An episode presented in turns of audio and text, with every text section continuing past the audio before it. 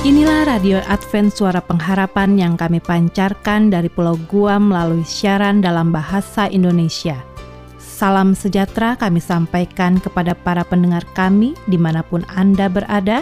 Selamat berjumpa kembali dengan kami, Radio Advent Suara Pengharapan.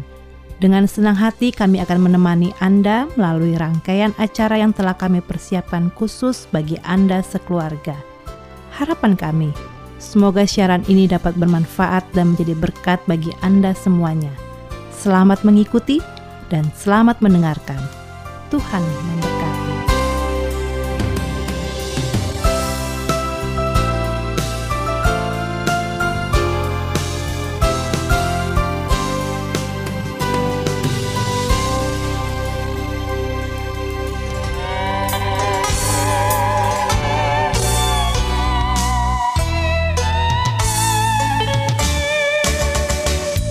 Pendengar Radio Advent Suara Pengharapan yang berbahagia, ruang remaja dan orang muda, kembali kami hadirkan untuk Anda saat ini.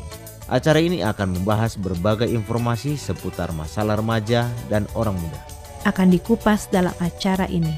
Dengan diasuh oleh Kak David Mamora sebagai seorang pendidik yang mengandalkan Tuhan, para remaja dan orang muda akan diajak untuk mau dibentuk menjadi manusia yang berkualitas sesuai kehendak Allah.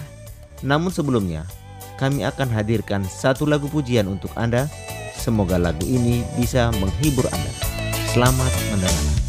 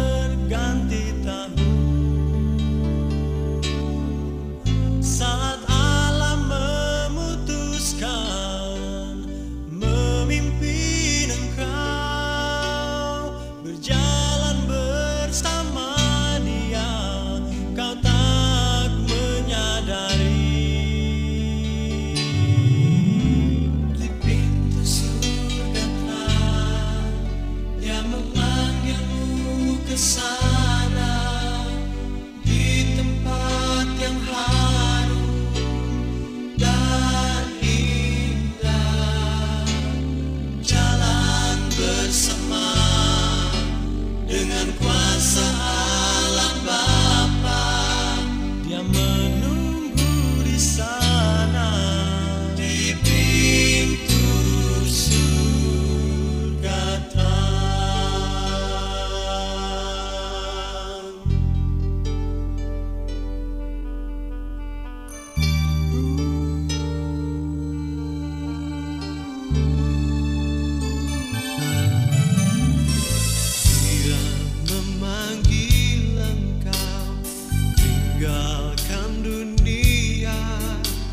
yang penuh beban berat dilanda.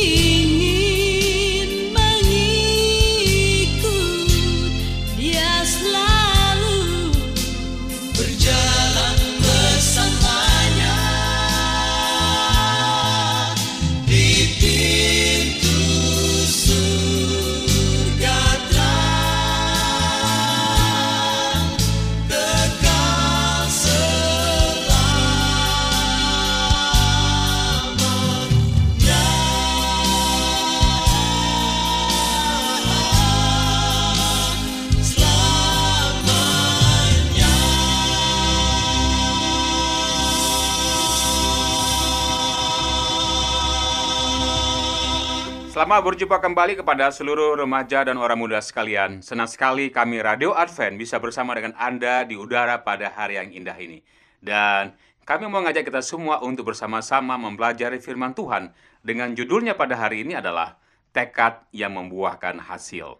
Remaja dan orang muda sekalian, mari kita membaca Alkitab kita yang terdapat di dalam Markus 5 ayat 28. Sebab katanya, asal kujama saja jubahnya, aku akan sembuh.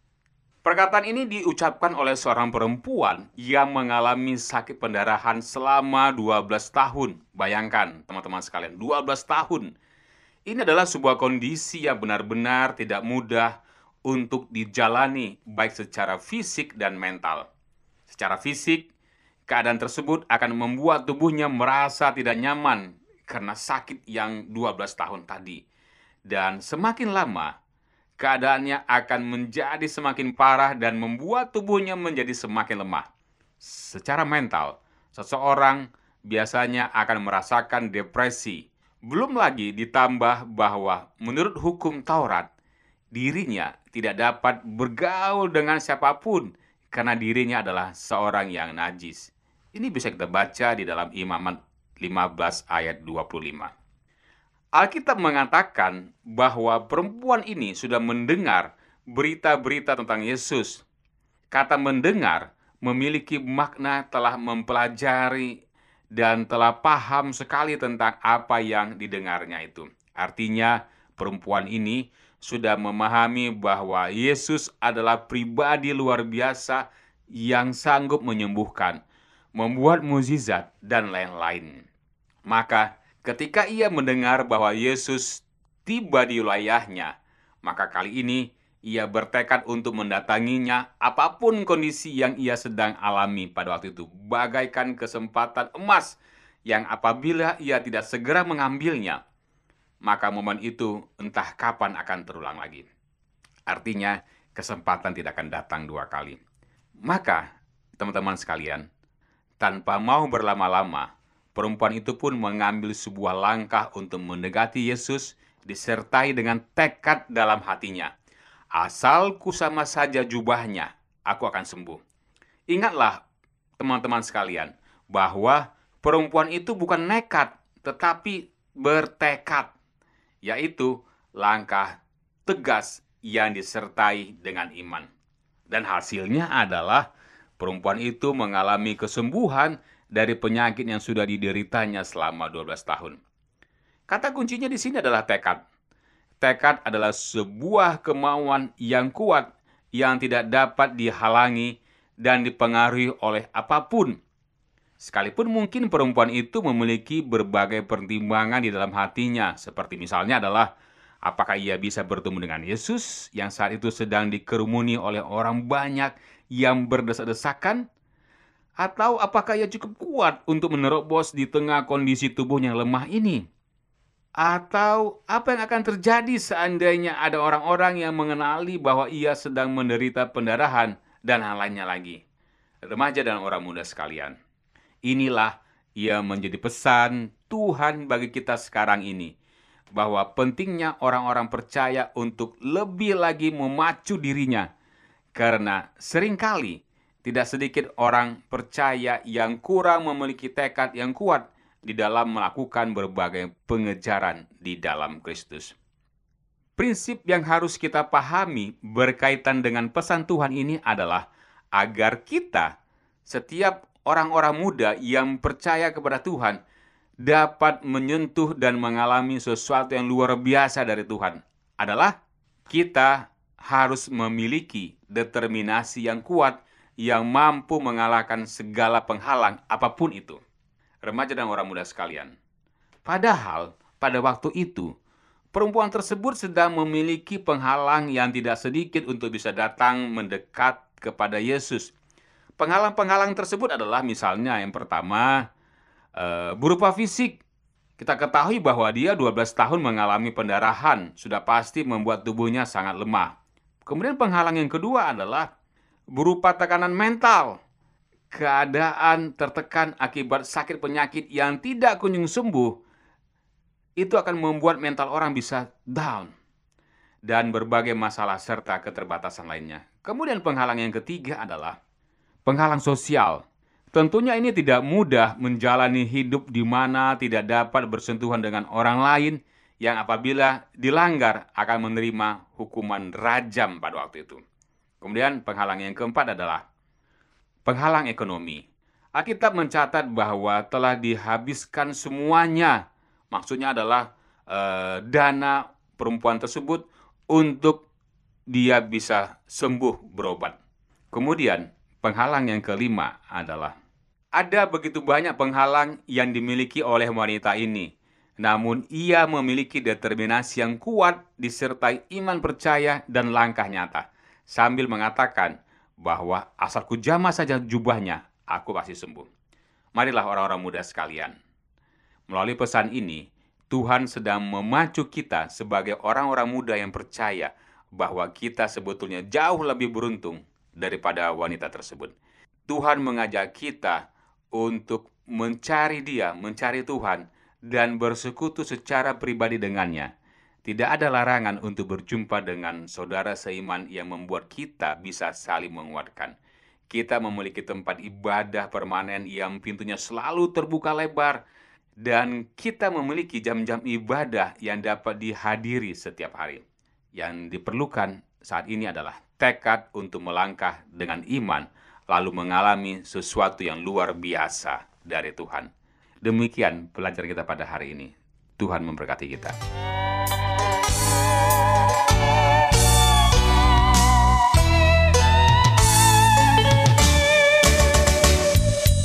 Pendengar Radio Advent Suara Pengharapan yang tetap setia bersama kami, demikian sajian ruang remaja dan orang muda yang sudah kami hadirkan untuk Anda.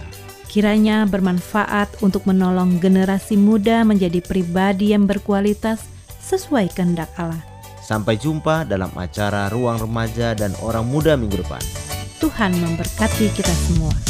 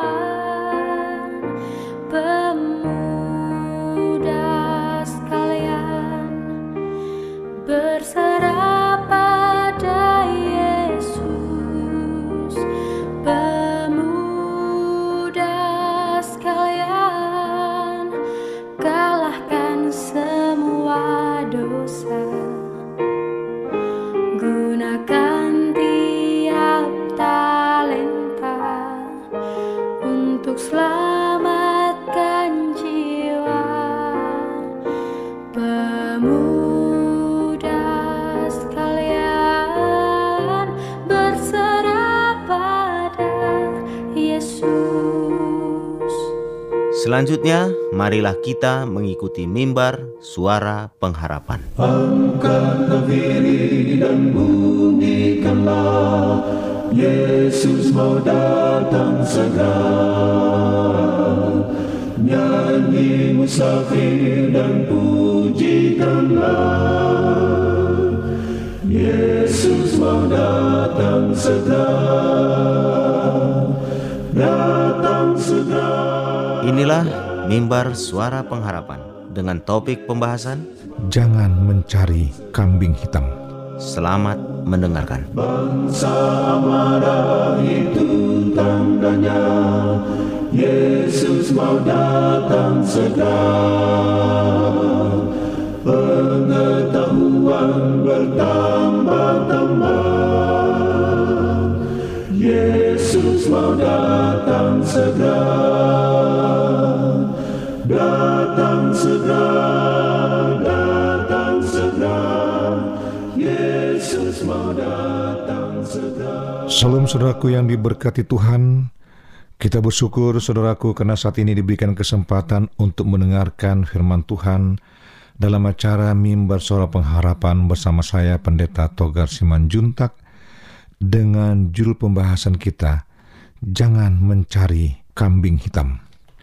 Saudara-saudara, kalau saya katakan jangan mencari kambing hitam bukan berarti kambing kita cari sesungguhnya. Ini suatu perumpamaan saudaraku. Kalau katakan kambing hitam itu adalah satu kesalahan mencari celah-celah membela diri agar menunjuk orang lain atau ada penyebab terjadinya kesalahan tersebut bukan karena kemauan kita. Kita langsung melihat, ah bukan salah saya, itu yang salah, dia yang salah. Nah, saudara, kita dalam membela diri boleh-boleh saja. Ataupun kalau kita mengikut Tuhan, kita ada alasan untuk membuat uh, alasan itu sebagai kambing hitam itu bisa-bisa saja saudara lakukan. Tapi apakah itu benar atau tidak? Kita tidak bisa putuskan.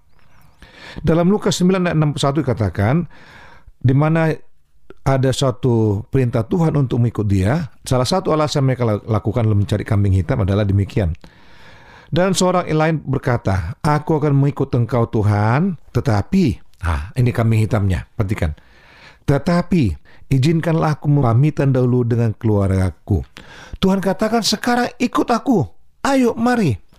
Tapi di kambing hitamkan, ah sebentar dulu Tuhan, aku mau minta izin sama keluargaku. Aku mau mau ada reuni dengan keluarga dulu sebentar Tuhan, karena aku pergi jauh. Pak Tuhan katakan sekarang, mari, ayo ikut aku untuk bekerja. Lalu ada yang jawab lagi, Tuhan aku baru menikah, sebentar dulu Tuhan kasih aku izin dulu cuti menikah. Atau Tuhan sebentar aku baru beli rumah baru, aku mau tempati dulu. Banyak alasan saudaraku, banyak alasan. Atau baru mungkin uh, lahiran anak. Nah, saudara inilah kita buat sebagai hal satu alasan. Nah, misalnya juga Anda sementara mungkin bawa mobil berkendaraan di jalan, lalu Anda di stop oleh seorang polisi, Anda akan bertanya-tanya, apa salah saya? Apa salah saya kirangan? Kenapa saya di stop? Kenapa saya di stop? Lalu jika Anda tanyakan mungkin hal-hal, mungkin apakah surat-surat, kenapa Anda melakukan kesalahan ini, Anda mungkin buat satu alasan yang patut mungkin membela diri. Mungkin saudara katakan, wah saya nggak tahu Pak itu tanda larangan sana, karena terlalu tinggi. Atau mungkin saudara katakan, saya kejebak arus Pak, nggak bisa keluar dari jalur. Nah, saudara, banyak alasan kita perbuat untuk membela diri, mengkambing hitamkan sesuatu hal penyebabnya supaya kita dibebaskan dari kesalahan. Nah, saudaraku, ada kalanya mencari alasan atau kambing hitam itu kita lakukan bahkan sebelum melakukan sesuatu.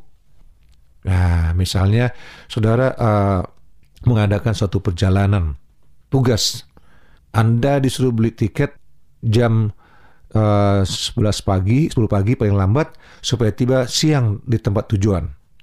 Tapi karena jam 12 siang, saudara masih ada kegiatan-kegiatan yang saudara lakukan dengan keluarga, kegiatan pribadi, maka saudara mulai cari, mencari-cari alasan bagaimana supaya saya bisa berangkat jam 2, tiba sana sore. Toh alasannya, saudara katakan, hari itu saudara nggak melakukan apa-apa. Paling cuman makan siang, lalu kemudian check-in di hotel, udah nggak ada apa-apa. Perusahaan sudah perintahkan harus berangkat jam 10 karena karena waktu makan siang. Mungkin pada waktu makan siang itu ada hal mau disampaikan oleh pimpinan ataupun mau kenalan dengan uh, rekan-rekan kerja. Nah, di sini sudah mencari kambing hitam kesalahan. Ah, sudah mulai mulai saat itu kalau katakan saya tidak dapat tiket, saya kejebak macet atau saya saat itu tidak bisa pergi karena badan saya kurang sehat, saya harus berobat ke dokter dulu. Banyak alasan saya lakukan. Nah, rasanya saudaraku, mencari kambing hitam itu atau melemparkan kesalahan pada orang lain itu merupakan sesuatu yang sering kita lakukan. Nyatanya banyak orang ketika serai itu buat tugas atau tanggung jawab pun sudah langsung berpikir mengenai siapa yang harus dikambing hitamkan, disalahkan jika mereka gagal melaksanakan tugas ini. Seakan sebuah pekerjaan mereka suka berpikir jika saya gagal melakukan ini maka saya akan beralasan ini karena saya masih baru di luar kemampuan saya fasilitas tidak ada tidak ada tim yang menopang banyak alasan atau finansialnya tidak men- mencukupi Nah, dikatakan bahkan menyalahkan akan tim mungkin tidak kompeten satu sama lain dan masing-masing ego. Nah, saudaraku, inilah yang membuat kita selalu tidak bisa fokus melaksanakan tugas-tugas yang Tuhan sudah berikan bagi kita. Karena kita selalu berpikir bagaimana untuk mencari kambing hitam tersebut, menyalahkan orang lain jika tugasnya salah. Bukan kita berfokus bagaimana supaya saya bisa sanggup menyelesaikan tugas ini sampai selesai dengan benar. Nah, sukses.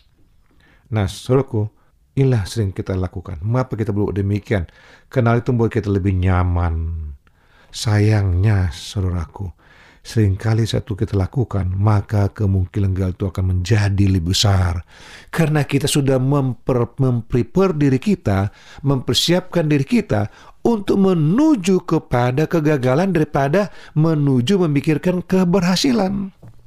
Jadi saudaraku, Jangan pernah untuk mencari-cari kesalahan dan alasan menjaga-jaga siapa tahu gagal nanti.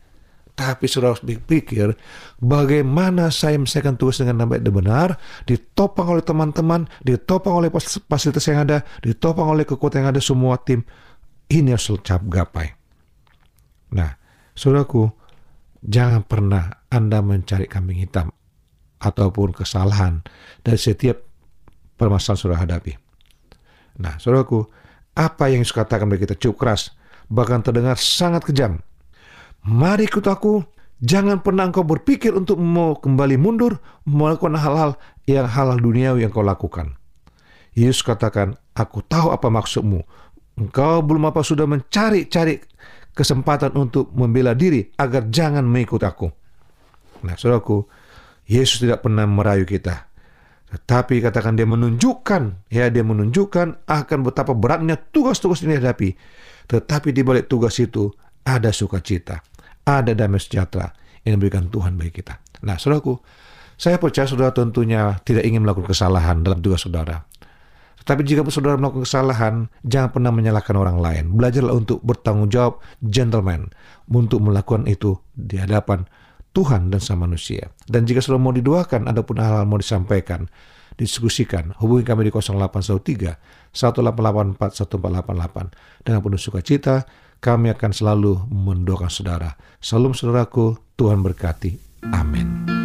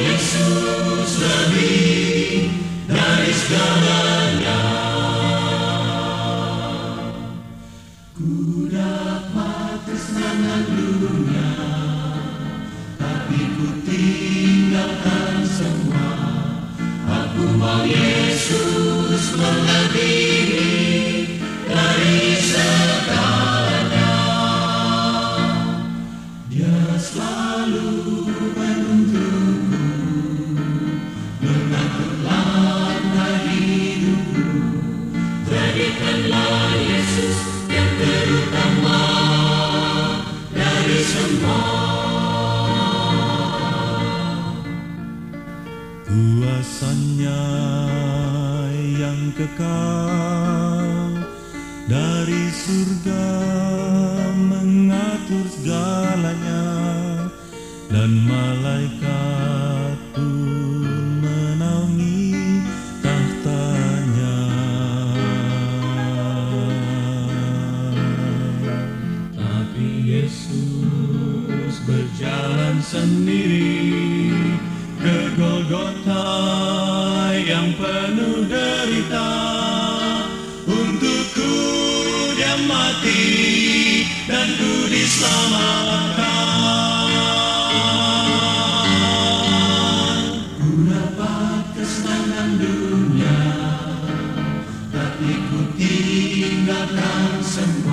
Demikianlah rangkaian acara yang dapat kami persembahkan hari ini dan apabila Anda mempunyai pertanyaan atau ingin mendapat pelajaran Alkitab penemuan baru, silakan menghubungi kami dengan cara mengirimkan surat ke alamat Radio Advent Suara Pengharapan, PO Box 8090, Jakarta 12810 Indonesia.